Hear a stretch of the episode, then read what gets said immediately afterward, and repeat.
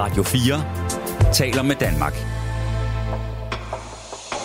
Velkommen til Kranjebrud med Maja Jensen.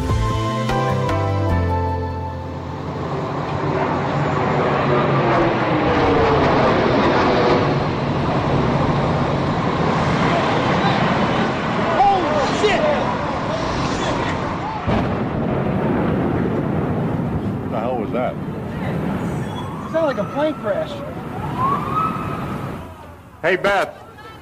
What, what is that? Something, somebody hit uh, the World Trade Center or the... It's a trade That's the. World Trade Center. Yeah. This just in, you're looking at we have a breaking news story very disturbing launch out there. That is the World Trade Center, and we have unconfirmed reports this morning explosion. As we come on now, we have serious news of a major, very tragic. Freeway now. Incredible. Plane crash into the World Trade Center. Morgen den 11. september 2001, den startede ellers som alle andre. Det var en smuk sommerdag med blå himmel, og i World Trade Centers to tårne, der var flere tusind mennesker mødt ind på arbejde, da klokken blev 8. Men 8.45 skete der noget, der med et gjorde 11. september til en dag, de fleste mennesker stadig har brændt ind i erindringen, da et fly fløj ind i det ene af de to tårne. Nogle dage er bare vildere end andre. De sidste 100 års historie er fuld af den type dage, som står helt centralt i vores bevidsthed. Dage, hvor begivenheder fandt sted, som fik enorme politiske, samfundsmæssige og økonomiske konsekvenser, og som fik afgørende betydning for generationer af menneskers liv. I en miniserie på fem udsendelser sætter Kranjebrud fokus på fem af de mest betydningsfulde dage i nyere tid. Hvad skete der? Hvilke faktorer udløste dem, og hvad blev konsekvenserne? I dagens afsnit skruer vi tiden tilbage til den 11. september 2001, da USA blev ramt af et terrorangreb, der med et slag skulle ændre international politik frem til i dag. Mit navn er Maja Jensen. Velkommen til Kranjebrud. Du lytter til Radio 4. Og så vil jeg byde velkommen til dig, Niels Bjerg Poulsen. Tak skal du have. Nils, du er lektor i amerikanske studier på Syddansk Universitet, og i dagens program der skal du hjælpe os med at forstå, hvad det var, der skete den 11. september 2001, hvorfor det skete, og hvordan den dag har været med til at forandre verden. Nils, kan du selv huske, hvor du var, og hvordan du reagerede, da du hørte nyheden? Det kan jeg meget tydeligt huske. Vi havde lige arbejdet på CBS dengang, og vi havde lige fået et øh, amerikanske studie, havde fået vores eget øh, et opholdsrum, også med fjernsyn. Og en af mine kolleger kom ind og, og sagde, at der er altså lige et fly, der er styrtet ind i det ene World Trade Center. Det var på det tidspunkt, hvor man stadig formodede, at det var et fly, der var kommet ud af kurs. Og mens vi så stod og kiggede derinde, øh, ramte det andet fly, øh, det andet tårn, og så fik jeg en opringning, opringning fra TV2, om jeg øh, straks ville komme til deres studie øh, på Sortdamsdoseringen, hvor det lå dengang. Øh, og da jeg kom derud, øh, der havde de indkaldt alt, hvad de lige kunne tænke på. Mange militærfolk, øh, mange politikere, fordi øh, ingen vidste rigtigt, hvad det var i virkeligheden, der, der øh, foregik. Jeg har en helt klar øh, oplevelse af den øh, det forløb, der fulgte der, hvor folk forsøgte, halvt i blinde jo, at udlede teksten, hvad var det, der var foregået. Og jeg har tit tænkt på senere, hvor meget af det, der blev sagt, der viste sig at være øh, fuldstændig forkert. Mange militæranalytikere mente, at det kunne kun være en nationalstat, der stod bag det her. Øh, det krævede simpelthen så stor, øh, så stor strategisk forberedelse, at det måtte være en nationalstat, og det her kunne være begyndelsen på en, en, en krig mellem nationalstater. Og man kan sige, at det så senere, der, der var en, en undtagelse, øh, faktisk øh, TV2's egen Steffen Jensen sagde næsten fra starten, at man kunne godt forestille sig, at det var en terrororganisation som Al-Qaida, som stod, stod bag det her.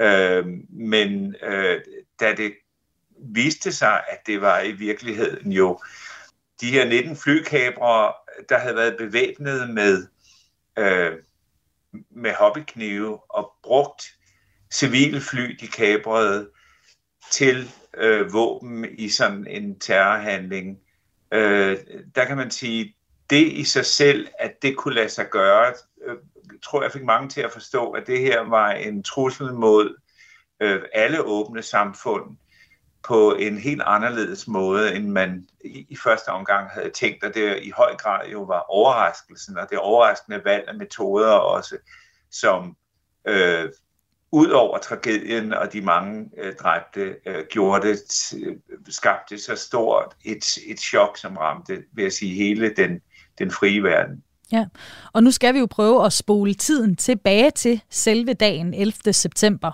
Her kommer en øjenvidende beretning fra Adam Mayblom. Han opholdt sig på 87. 20. etage i World Trade Center under angrebene den 11. september. Han slap ud og fortalte sin historie til BBC, hvordan han kom ud, hvad han tænkte undervejs, og hvordan han hjalp nogen på vejen, men måtte gå forbi andre. Bygningen svingede voldsomt og rystede, som om der var jordskælv. Folk skreg. Jeg kiggede ud af mit vindue og så, at bygningen bevægede sig 3-6 meter i hver retning. Belysningsarmaturer og dele af loftet væltede ned. Køkkenet var ødelagt. Vi var sikre på, at det var en bombe. Vi blev ikke grebet af panik. Bygningen stod endnu, og vi var rystet, men i live. Røgen var tyk og hvid. Jeg greb min bærbare computer, tog min t-shirt af og rev den i tre stykker, gennemblødte med vand og gav to stykker til mine venner. Jeg bandt mit stykke omkring ansigtet som luftfilter, og vi begyndte alle at bevæge os hen til trappen. I vestibulen var der små brænde og gnister. Loftet var brudt sammen på herretoilettet. Det var væk sammen med hvem, der måtte have været derinde. Vi gik ikke ind for at undersøge det. En modig mand forsøgte at slukke ilden med en nødslange. Jeg stoppede op sammen med to venner for at sikre os, at der var tjek på alle fra vores kontor. Set i bagspejlet mindes jeg at have set Harry Ramos, min hovedforhandler, gøre det samme adskillige meter bag mig. Vi bevægede os meget langsomt og velordnet ned, i det mindste uden åbenlys panik, for min ben kunne ikke holde op med at ryste, og mit hjerte hamrede. Vi tjekkede alle vores mobiltelefoner. Overraskende nok var der et meget klart signal. Jeg vidste, at jeg ikke kunne komme i kontakt med min kone, så jeg ringede til mine forældre, og jeg fortalte dem, hvad der var sket, og at vi havde det godt og var på vej ned. Vi blev ved med at gøre plads for sårede, så de kunne komme ned før os. Ingen så ud til at være alvorligt såret, kun flænger og hudafskrabninger. På 53. etage stødte vi på Victor, en meget kraftigt bygget mand, der sad på trappen. Han havde hårdt brug for hjælp, og jeg vidste, at jeg ville have vanskeligt ved at holde ham, fordi jeg har en meget dårlig ryg, men min venner og jeg tilbød det alligevel. Han valgte at vente på hjælp. På 44. etage ringede min telefon. Det var mine forældre. De var helt hysteriske. Jeg sagde, slap af. Jeg har det fint. Min far sagde, kom ud, der er et tredje fly på vej. Dengang forstod jeg det stadig ikke. Brandmænd, politifolk, World Trade Center, sikkerhedsvagter uden hunden, alt hvad der havde uniformer på, begyndte at komme i den modsatte retning af os på vores vej ned. Jeg stansede en masse af dem og fortalte dem om manden på 53. etage og min ven på 87. etage. Senere havde jeg det frygteligt med det. De begav sig op for at finde de mennesker og mødte døden i stedet. På tredje etage gik lyset ud, og vi hørte og mærkede denne bulron komme mod os ovenfra. Jeg troede, det var trappen, der styrtede sammen men det var det andet tårn, der styrtede sammen. En eller anden havde en lygte. Vi lod den gå videre forud og forlod trappeskakten og begav os ned af en lang og trang korridor til en udgang. Vi kunne slet ikke se noget. Jeg anbefalede, at alle lagde hånden på skulderen på personen foran og råbte op, hvis man stødte på en forhindring, så andre kunne undgå den. Det gjorde de, og det virkede perfekt. Vi blev ledt ud i gården, hvor springvandet plejede at være. Jeg kunne ikke forstå, hvor alt støvet var kommet fra. Der var mindst 12,5 cm af denne grå, klæge, støvet tørmurssod på jorden, og luften var ligeledes fuld af den, vredet stål og metaltråd. En pige på cykel tilbød os noget vand. Netop som hun tog af sin flaske, hørte vi bulleret. Tårn 1 styrtede sammen. Vi havde været ude i mindre end 15 minutter. Og det her, det var altså en øjenvidende beretning fra Adam Mayblom, der overlevede terrorangrebet 11. september 2001, på trods af, at han befandt sig på 87. 20. etage i det ene af World Trade Centers to tårne. Det var fortalt til BBC og her oversat og indtalt af mine kollegaer Anne Engedal og Peter Løde. Adam Maybloms ven Harry Ramos, hovedforhandleren på May Davis, blev sidst set forsøge at hjælpe Victor ned ad trappen fra 36. etage. Nils, det er en hård fortælling, når man hører den fra en, det gik ud over. Hvordan lyder en historikers beskrivelse af dagen? Hvad, hvad sker der den 11. september helt faktuelt? hvis vi starter om, om morgenen, så er der fly, der bliver kabret i forskellige byer. I Boston, to fly i Boston, et i, øh, i, i Washington, og senere et, øh, et fjerde fly. Øh, det første fly afgår fra Boston kl. 7.59 øh, og øh, skal flyve til Kalifornien. Og øh, det bliver så omdirigeret, og klokken 8.19, altså efter 20 minutters flyvning, får man den første melding til nogle af kontroltårnene fra en, en øh, stewardesse, som siger, at der er folk, der, der hvis der er et terrorangreb i gang, der er folk med, med knive, som øh, har overtaget øh, kontrollen.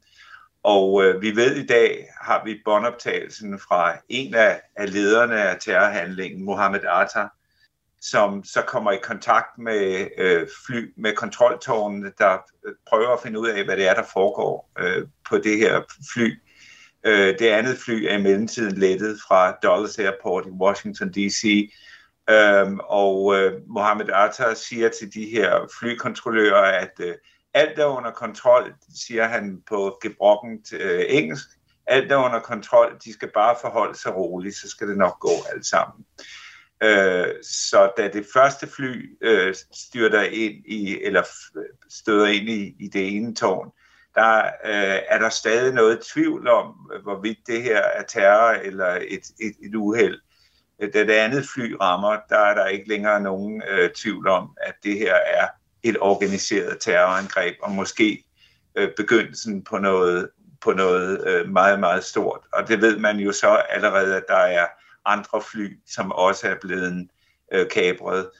Øh, der er jo dels øh, det fly, som øh, rammer Pentagon i Washington D.C., og så er der det fly, som passagererne tvinger ned, øh, Flight 93, som det hedder, som bliver, øh, hvor øh, flykaberne bliver angrebet klokken halv 10, og øh, flyet styrter ned i, i Pennsylvania.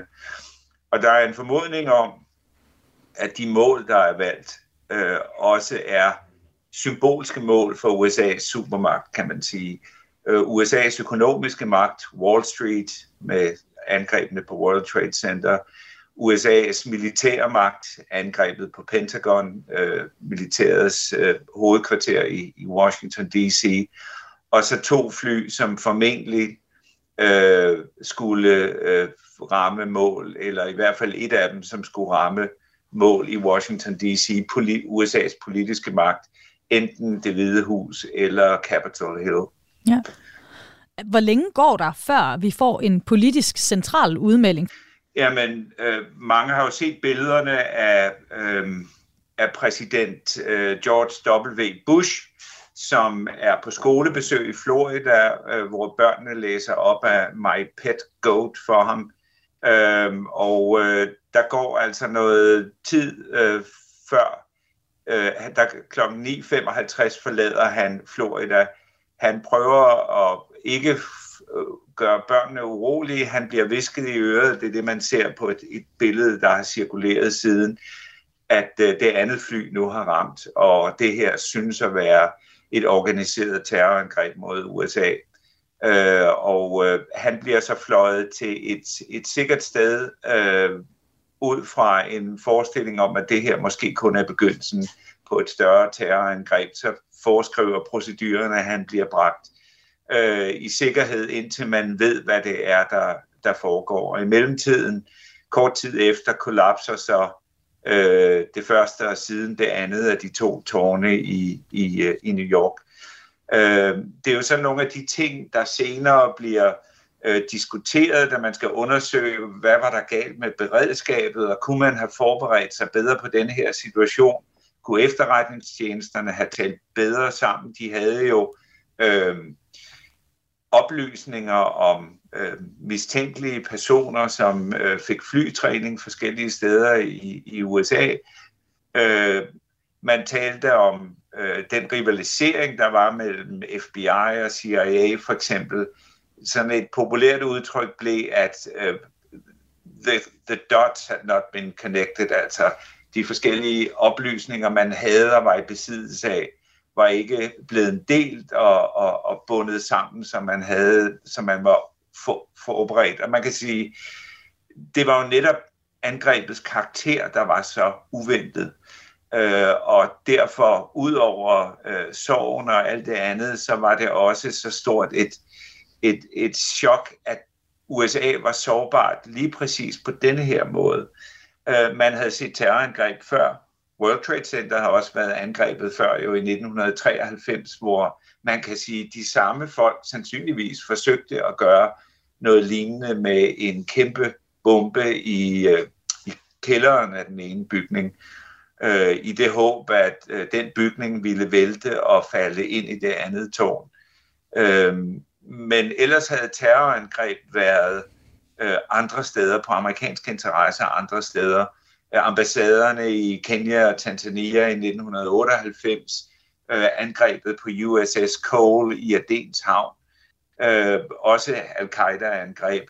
Men den omstændighed, at man så at sige kunne bruge den øh, åbenhed, der var inden for USA's grænser, at man relativt uden de store sikkerhedsforanstaltninger kan gå ombord på et fly. Øh, dengang var der jo også for eksempel ikke nogen dør ud til piloterne. Øh, alle de sikkerhedsforanstaltninger, som man først efterfølgende indfører, øh, de var der jo ikke, fordi man ikke kunne forestille sig, at det her kunne lade sig gøre. Så, så, så man kan sige, der var oplysninger, men det var kun i tilbageblik, man mm. begyndte at forbinde nogle ting, man ikke havde, øh, man ikke havde øh, forbundet, fordi man ikke forestillede sig, at det ville være nødvendigt. Ja. Hvornår tager al-Qaida ansvaret, og hvad siger de om angrebet, da de gør det? Ja, det er lidt, øh, det er lidt øh, mere, øh, det, det er lidt sværere at sige. Man kan sige, at den amerikanske efterretningstjeneste øh, konkluderer ret hurtigt, at det her er øh, al-Qaida, og det samme gør en række andre landes efterretningstjenester. Øh, det er ret, øh, man kan sige, øh, terroristerne har ikke gjort meget for at skjule deres identitet. De skulle alligevel øh, dø, så man kan se på passagerlisterne, hvem de er, og man kan ret hurtigt spore dem til øh, deres tilhørsforhold til al-Qaida. Men sådan helt officielt er det faktisk først i øh, 2004, at Osama bin Laden øh, praler af angrebet. Inden da kan man sige, øh, havde man meldinger, en fatwa udstedt mod øh, USA og mod øh, Israel af, af al-Qaida og øh, trusler. Vi har også øh, de samtaler, som øh, flykamerne har, hvor de dagen før, hvor de taler om tomorrow is zero hour og så videre. Nu begynder det og så videre. Men officielt øh, går der lang tid før al-Qaida tager hvad skal man sige, officielt tager ansvaret for, at det her, denne her terrorhandling var planlagt og organiseret den. Ja, men den 11. september bliver altså hurtigt en milepæl i såvel USA som i resten af verdens historie. Men bare 20 år tidligere havde CIA faktisk haft et samarbejde med al-Qaida og havde hjulpet dem med både at træne dem og give dem våben. Så hvordan kom vi dertil, at al-Qaida nu pludselig vendte sig og brugte våbnene mod USA selv? Det skal det handle om nu. Du lytter til Kranjebrud på Radio 4. Det er Kranjebrud, vi er i gang med, som i dag er rejst tilbage i tid til den 11. september 2001 sammen med lektor i amerikanske studier Niels Bjerg Poulsen for at forstå, hvordan terrorangrebet den 11. september blev en af de begivenheder, der har været med til at tegne verdenshistorien lige siden. Og Nils, vi skal faktisk lige lidt længere tilbage i tiden nu, for at forstå, hvordan terrorgruppen bag angrebet al-Qaida overhovedet blev til. Hvordan og, og hvornår opstår al-Qaida? Jeg synes nok, det er misvisende at sige, at der har været et samarbejde mellem al-Qaida og USA. Men øh, noget af diskussionen går tilbage til den sovjetiske invasion af Afghanistan i 1979.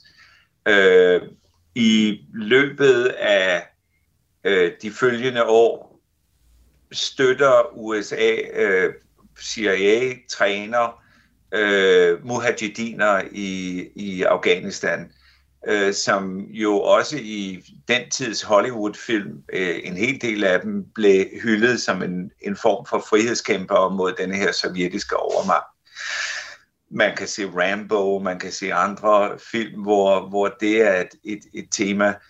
Øhm, der har siden været en diskussion om CIA også trænede folk som Osama bin Laden. Der er jo øh, afghanske mujahediner, og så er der øh, arabiske mujahediner, der kommer til Afghanistan for at, at kæmpe med Sovjetunionen. Og, og, og mange øh, har siden øh, benægtet, at der foregår en optræning af de her arabiske mujahediner, at det primært er, eller det er afghanere, man, man træner. Men man kan i hvert fald sige, at øh, der sker et eller andet i hele synet på Mujahedin-bevægelsen, og et, et vendepunkt er nok øh, den første golfkrig i 1991.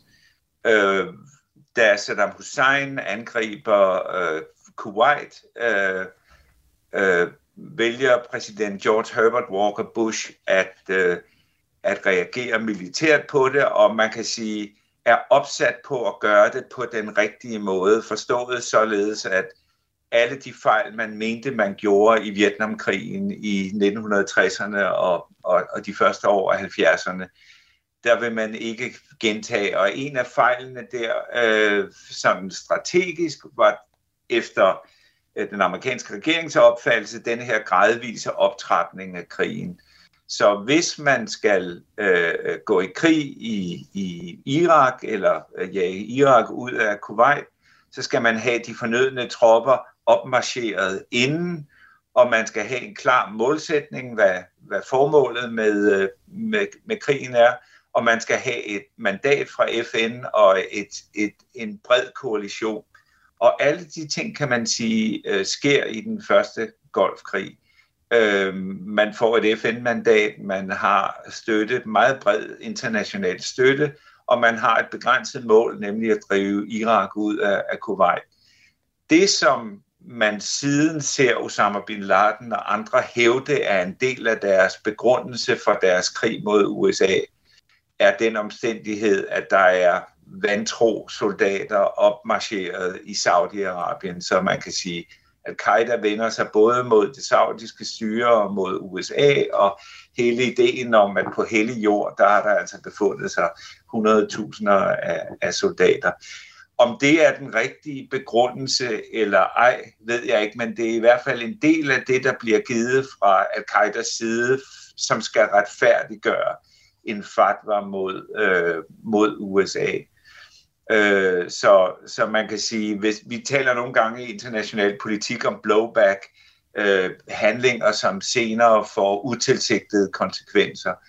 Øh, og på mange måder fremstår den første golfkrig jo som en, en krig, hvor øh, alt er rigtigt. Den amerikanske præsident siger efterfølgende, at endelig har USA begravet Vietnams øh, spøgelse fra Vietnam i den, halv, øh, den arabiske halvøs ørkensand. Så der er sådan en idé om, at nu har man gjort det på den rigtige måde. Og alligevel kan man sige, øh, at det er så måske en af de bidragende faktorer til, øh, at en terrororganisation som Al-Qaida øh, søger øh, i blandt øh, øh, islamiske øh, fundamentalister søger en retfærdiggørelse af terrorangreb rettet mod USA. Og som jeg nævnte før, ser man jo flere af de terrorangreb i øh, Kenya, Tanzania, i Aden osv. Forsøget på at gøre det med World Trade Center i 1993. Øh, der er skaderne så begrænset, men der er trods alt seks mennesker, der dør, og, og, og tusind, der bliver såret også i det angreb. Men de fleste havde nærmest glemt det angreb igen. Øh, og og, og en, hvis vi skal som, se det i lidt bredere perspektiv, så kan man sige, USA har jo traditionelt ikke opfattet øh, sig selv som sårbart på egen jord. Øh, der er øh, angrebet på Pearl Harbor øh, 7. december 1941, det der bringer USA ind i 2. verdenskrig. Øh, men ellers har krigshandlinger på amerikansk jord jo stort set ikke, ikke fundet sted. Og det bidrager jo også til, at det her angreb får den enorme psykologiske øh, betydning, den her følelse af afmagt og, øh, og, øh, og sårbarhed, som man ikke har oplevet tidligere. Hmm.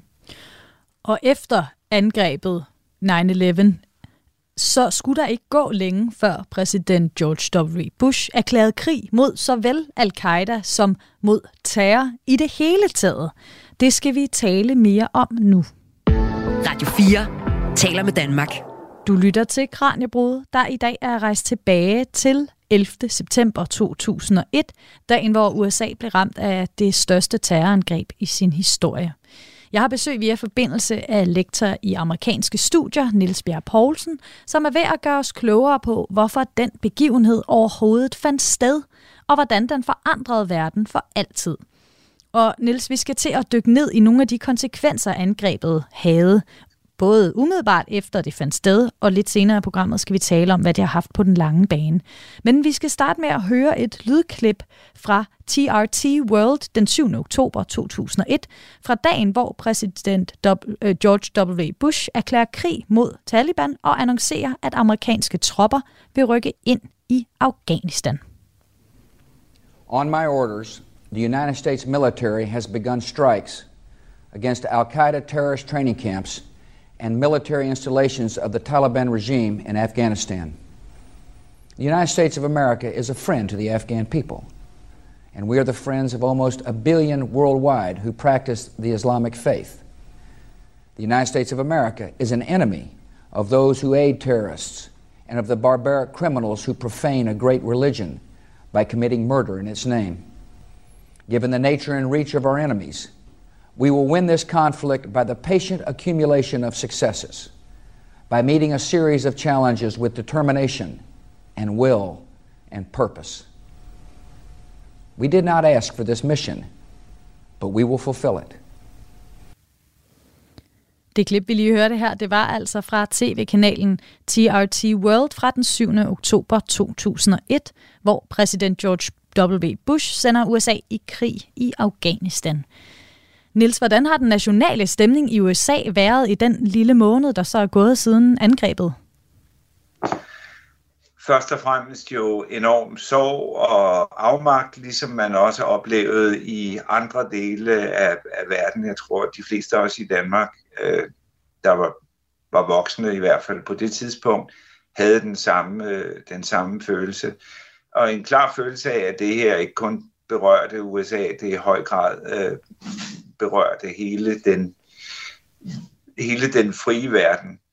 Øhm, men den følelse blev så også efterfulgt af en, en, øh, en, et ønske om hævn, kan man sige.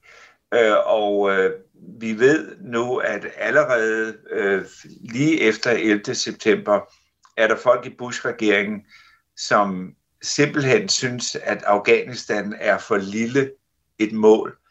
Øhm, så folk som øh, forsvarsminister Donald Rumsfeld øh, og øh, vicepræsident Dick Cheney begynder allerede på det her tidspunkt at tale og rette opmærksomheden mod Irak også.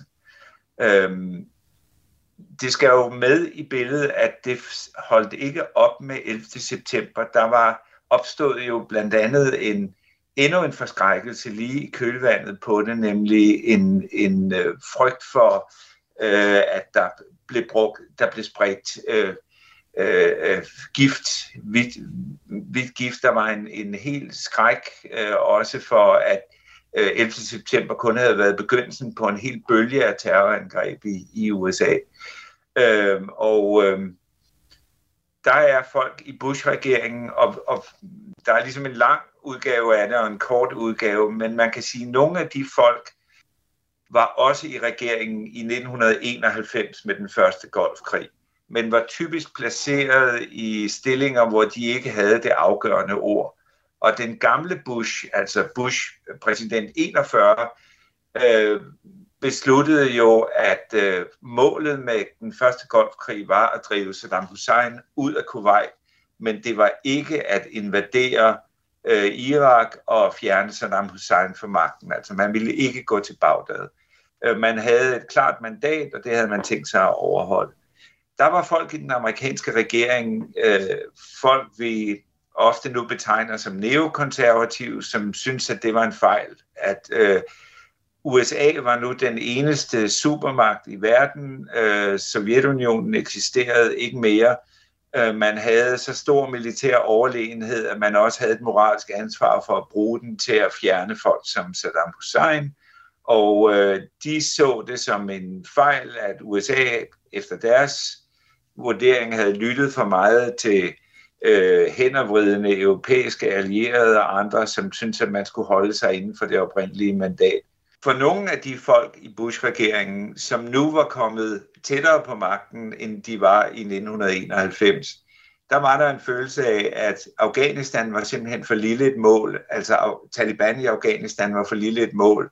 Øh, så de begynder allerede tidligt at tale om øh, en krig mod Irak fra den næsten entydige øh, opbakning til USA, så begynder der at opstå øh, splittelser i mellem USA og i hvert fald en del af koalitionspartnerne, øh, også i det nationale eller i det sluddervold FN's Sikkerhedsråd, øh, da USA begynder at presse på for også at få opbakning til en krig i Irak. Og i forbindelse med det her, så er der det, der hedder The Patriot, Patriot Act, Hvornår bliver det vedtaget, og hvad indebærer den, Niels?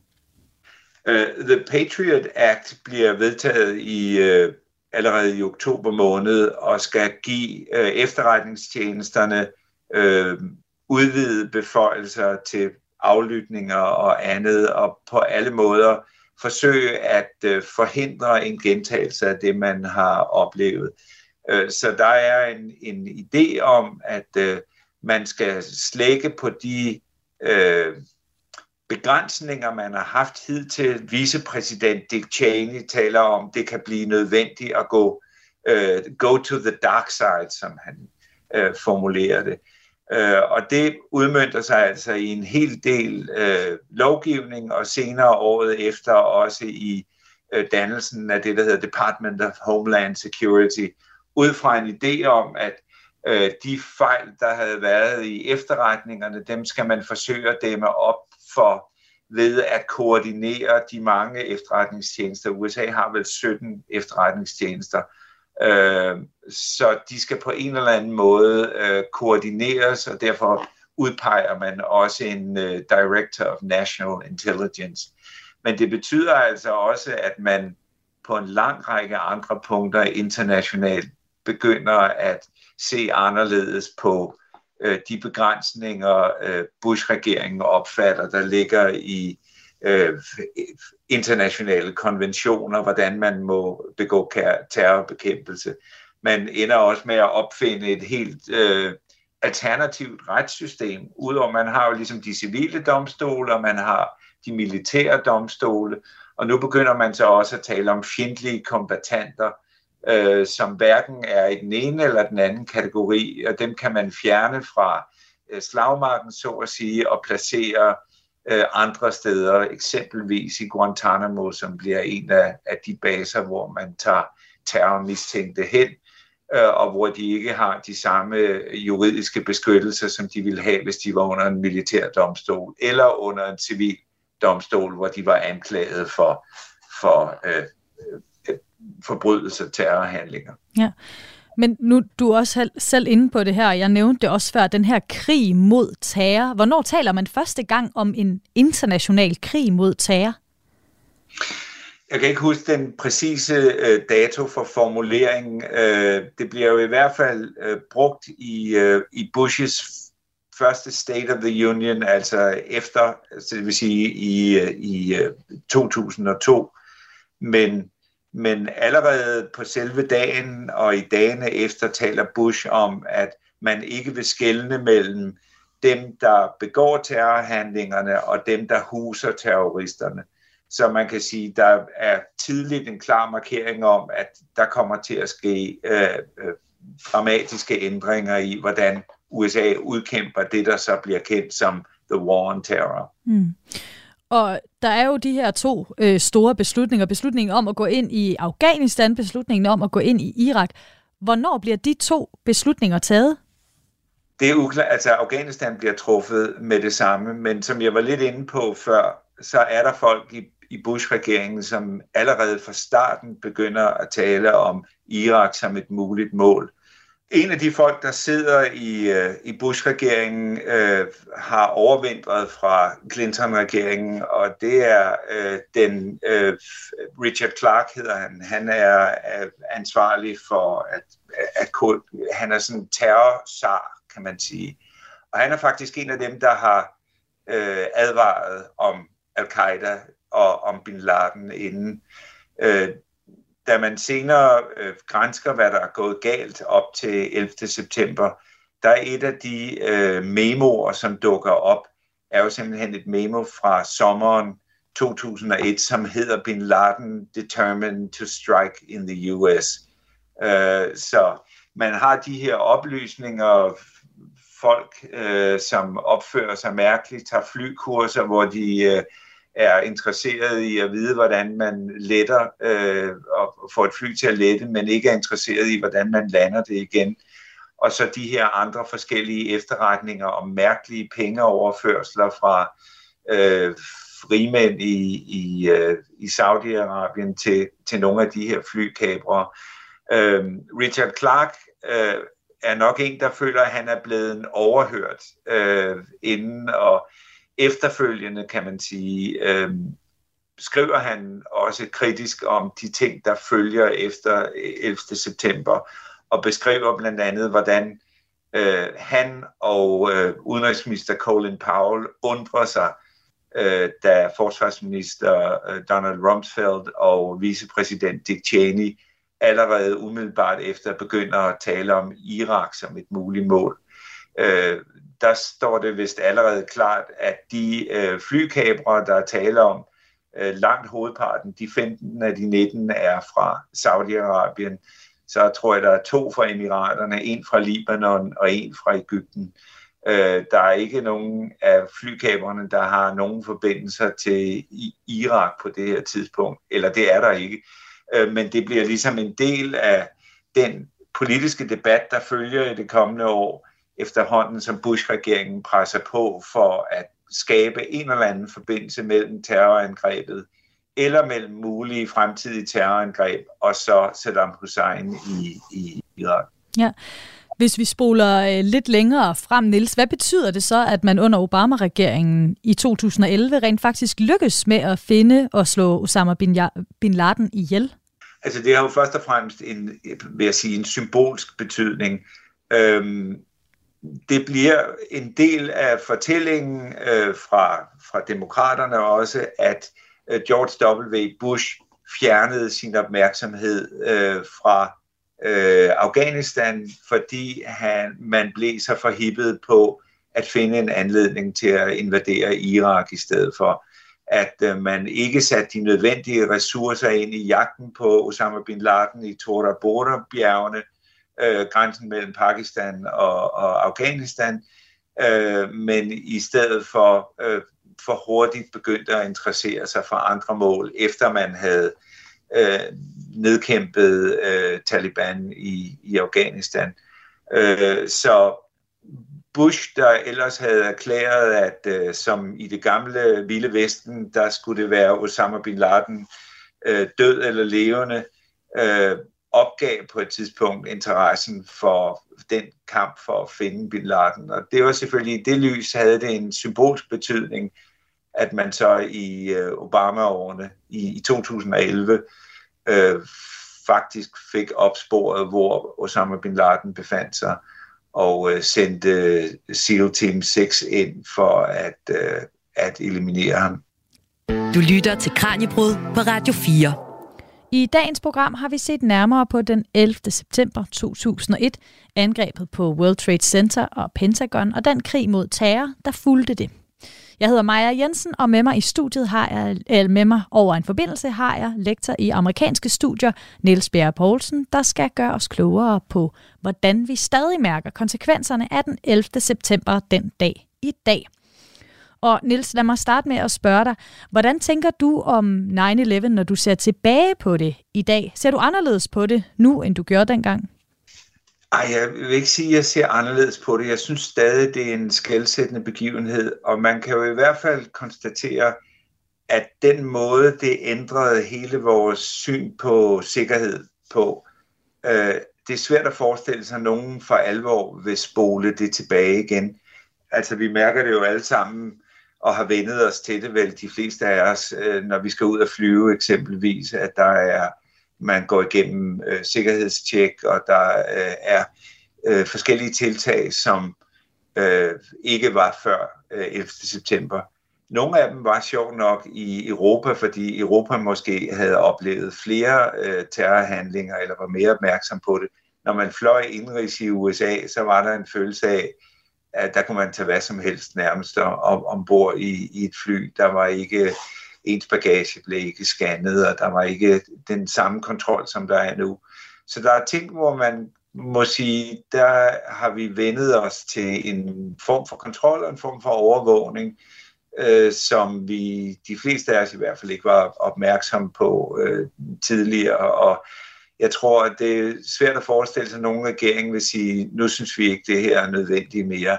Der er nogle tiltag, der er blevet øh, afviklet igen, men, øh, men hele vores følelse af et trusselniveau er måske ikke der, hvor det var i årene efter 11. september. Der var der øh, meget, måske hos de fleste, meget mere frygt for, at der kunne komme en gentagelse. Nu er det andre typer af terrorangreb, man, man måske frygter mere. Så i, i en eller anden forstand kan man sige, de tiltag, man gjorde efter 11. september, har måske for, har forhindret, ikke måske, de har forhindret den type terrorhandlinger, øh, som 11, 11. september repræsenterede.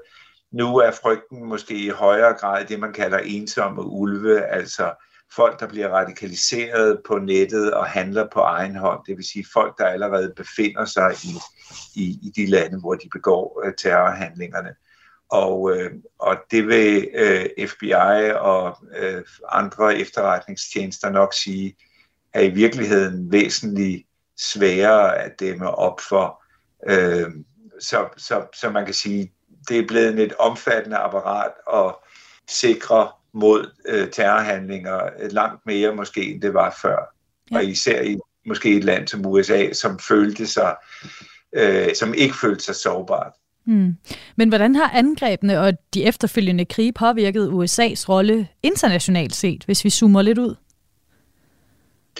Jeg tror, der var i hvert fald et paradoks i en årrække, at USA havde den enorme sympati, som fulgte i kølvandet på terrorangrebet, og den store opbakning, øh, franske aviser, der skrev, nu er vi alle amerikanere osv. Så, videre. så der var mange øh, konflikter, som ligesom gled i, i baggrunden. Øh, og så skete der alligevel noget øh, i, i kølvandet på det, særligt op til øh, Irakkrigen i 2003, hvor øh, den amerikanske præsident talte om dem, der ikke er med os, er imod os osv. Øh, og, øh, og USA oplevede modstand fra en række traditionelle allierede, øh, Frankrig, Tyskland, øh, Rusland i, i Sikkerhedsrådet, øh, og øh, den øh, amerikanske nationale sikkerhedsrådgiver Condoleezza Rice sagde øh, til, til Bush, at han skulle øh, ignorere Rusland, øh, tilgive Tyskland, men koncentrere sig om Frankrig, så vi så de der øh, stærke antifranske øh, bølger, der så også ramte USA i kølvandet øh, hvor øh, Øh, republikanske medlemmer af kongressen fik omdøbt French fries i kantinen til Freedom fries, og French toast blev til Freedom toast osv. Så, så der kom nogle øh, spændinger mellem traditionelle allierede, som var uventede, øh, og som måske også set i øh, bagklogskabens klare lys var unødvendige øh, nemlig øh, hele den amerikanske idé om, at øh, man skulle have en, øh, en koalition af villige.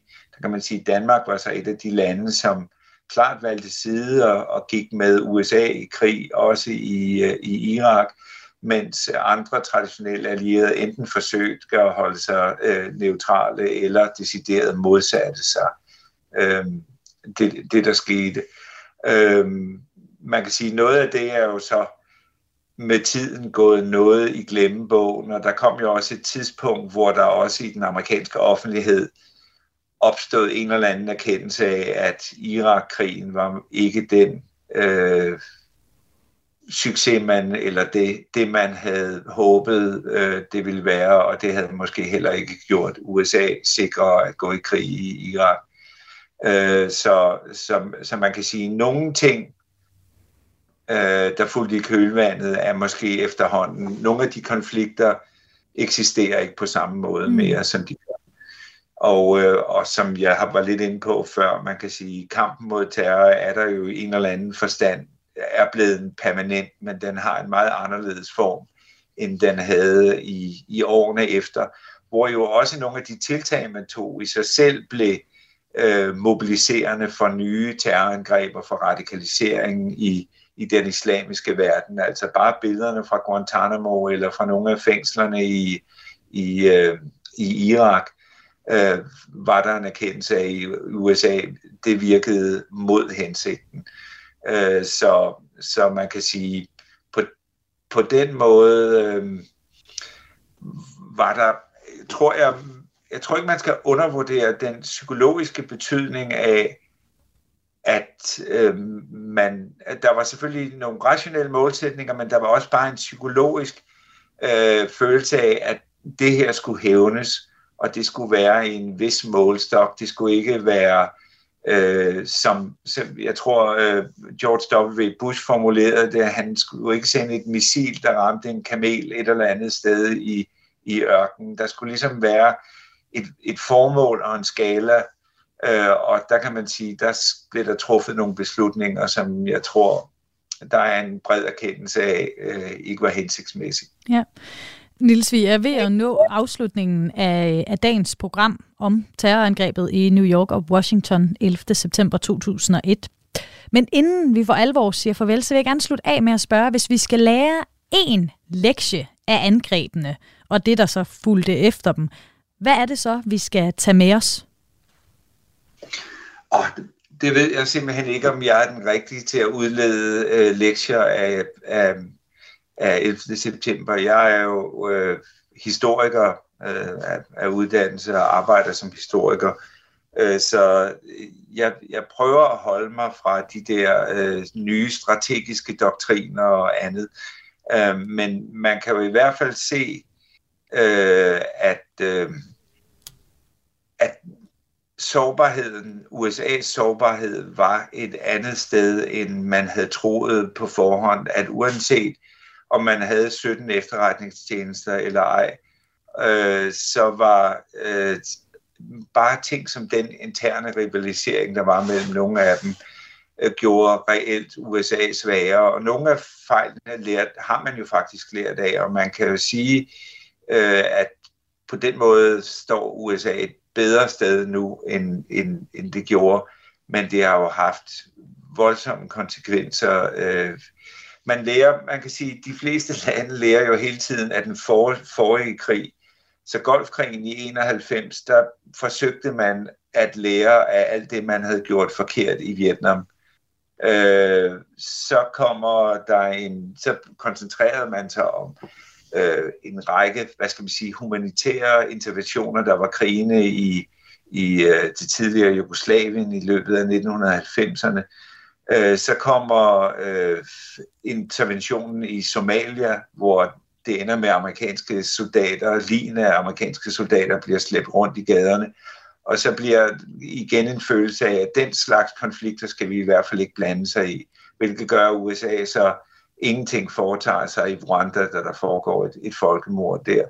Så, så man kan sige, på godt og ondt er det tit den sidste konflikt, der på en eller anden måde kommer til at, at, at præge den måde, man ser på, på verden på. Og, og Irak-krigen bliver vel så også en dårlig lektie i den øh, henseende. Øh, Afghanistan på sin vis jo også, altså ideen om nation building, som øh, ender med at blive den længste, længste militære engagement i USA's historie, og alligevel ender som det endte. Ja. Det var alt, hvad vi øh, kunne nå i dette afsnit af Kranjebrød. Lektor ved Center for Amerikanske Studier på Syddansk Universitet, Niels Bjerg Poulsen. Mange tak, fordi du havde lyst til at være med og gøre os klogere i dag. Selv tak. Kranjebrød er produceret af produktionsselskabet Videnslyd for Radio 4, og tilbage er der kun at sige tak, fordi du lyttede med.